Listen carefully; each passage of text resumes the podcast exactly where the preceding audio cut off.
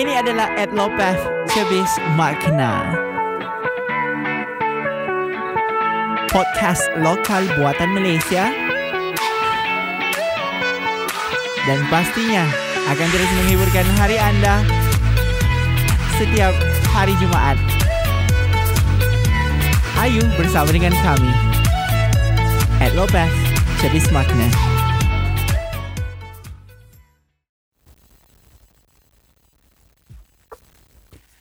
Hello, welcome to Ed Lopez Cebis Makna Podcast lokal buatan Malaysia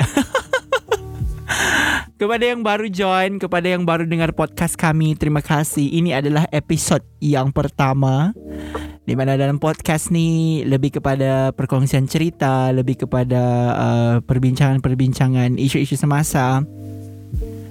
Jadi untuk episod yang pertama ni tidak banyak juga yang saya akan cerita lebih kepada introduction, pengenalan kepada anda semua apa itu Lopez Cebis Makna.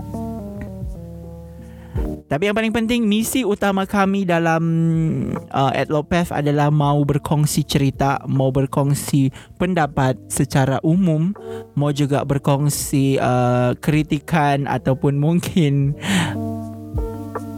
pandangan-pandangan neraka zen. neraka zen takut.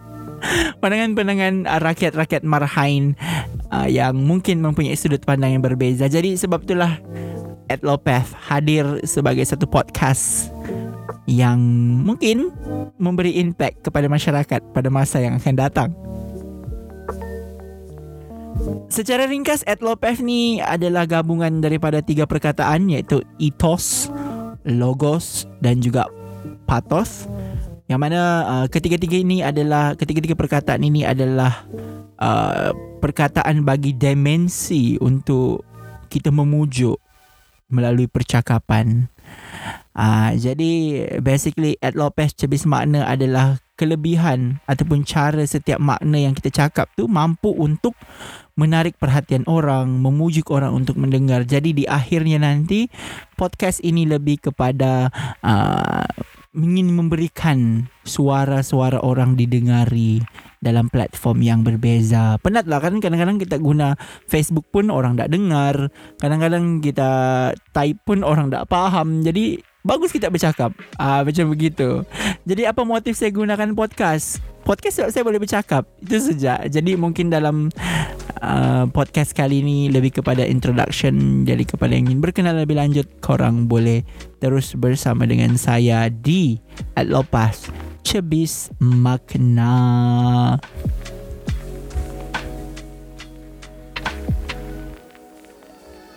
Jadi untuk beberapa episod yang akan datang Saya pun masih juga lagi mencari idea-idea yang sesuai. Tapi sudah ada Sudah ada dia punya idea. Insya Allah kalau ada rezeki Kita akan teruskan bersama-sama di dalam podcast.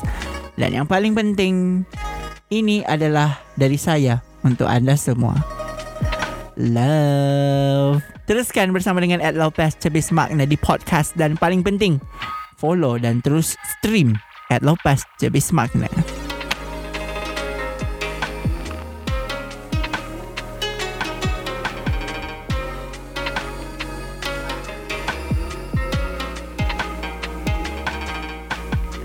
So basically orang akan cakap lah Kenapa kau buat podcast? Bukan kau pernah buat YouTube kah sebelum ni? Okay Frankly speaking Kalau kau buat YouTube Kau perlukan footage Kau perlukan audio yang betul Kau perlukan uh, Banyak gila barang Untuk editing Mixing whatsoever.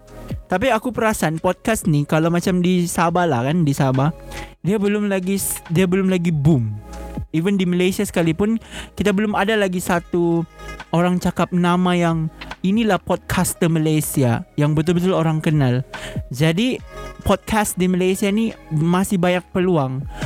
So Kalau kita compare Macam Singapore Dengan Indonesia Apa orang cakap?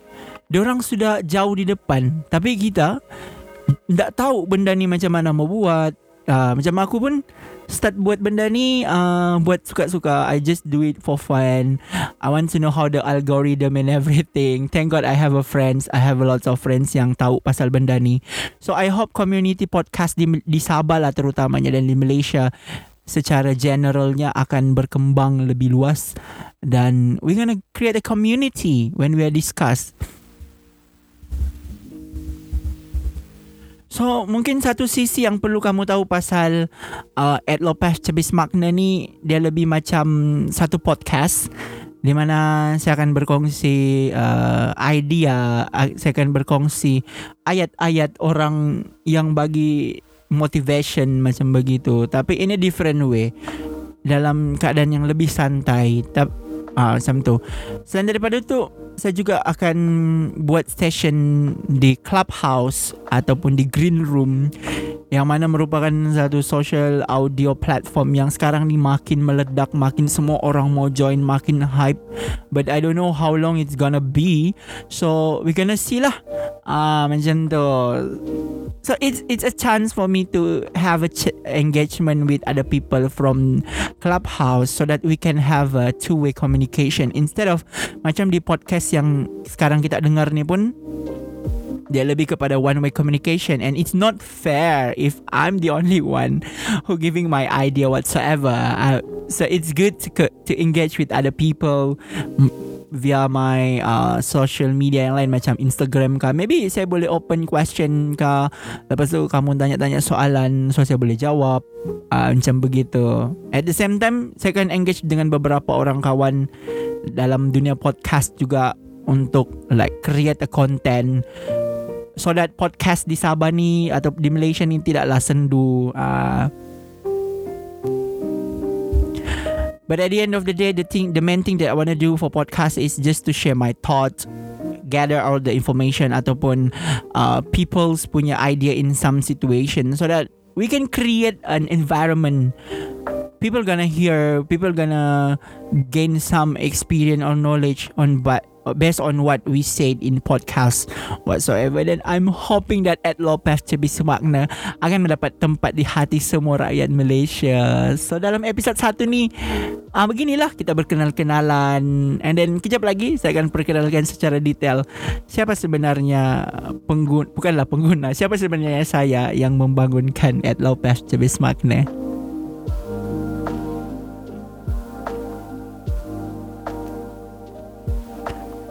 Uh, so basically nama saya Westmoreland bin Banding. Saya berumur sekarang ni sudah 27 tahun. I'm currently working as a executive in one of the company in uh, uh, Kinabatangan Sabah uh, oil palm company something like that.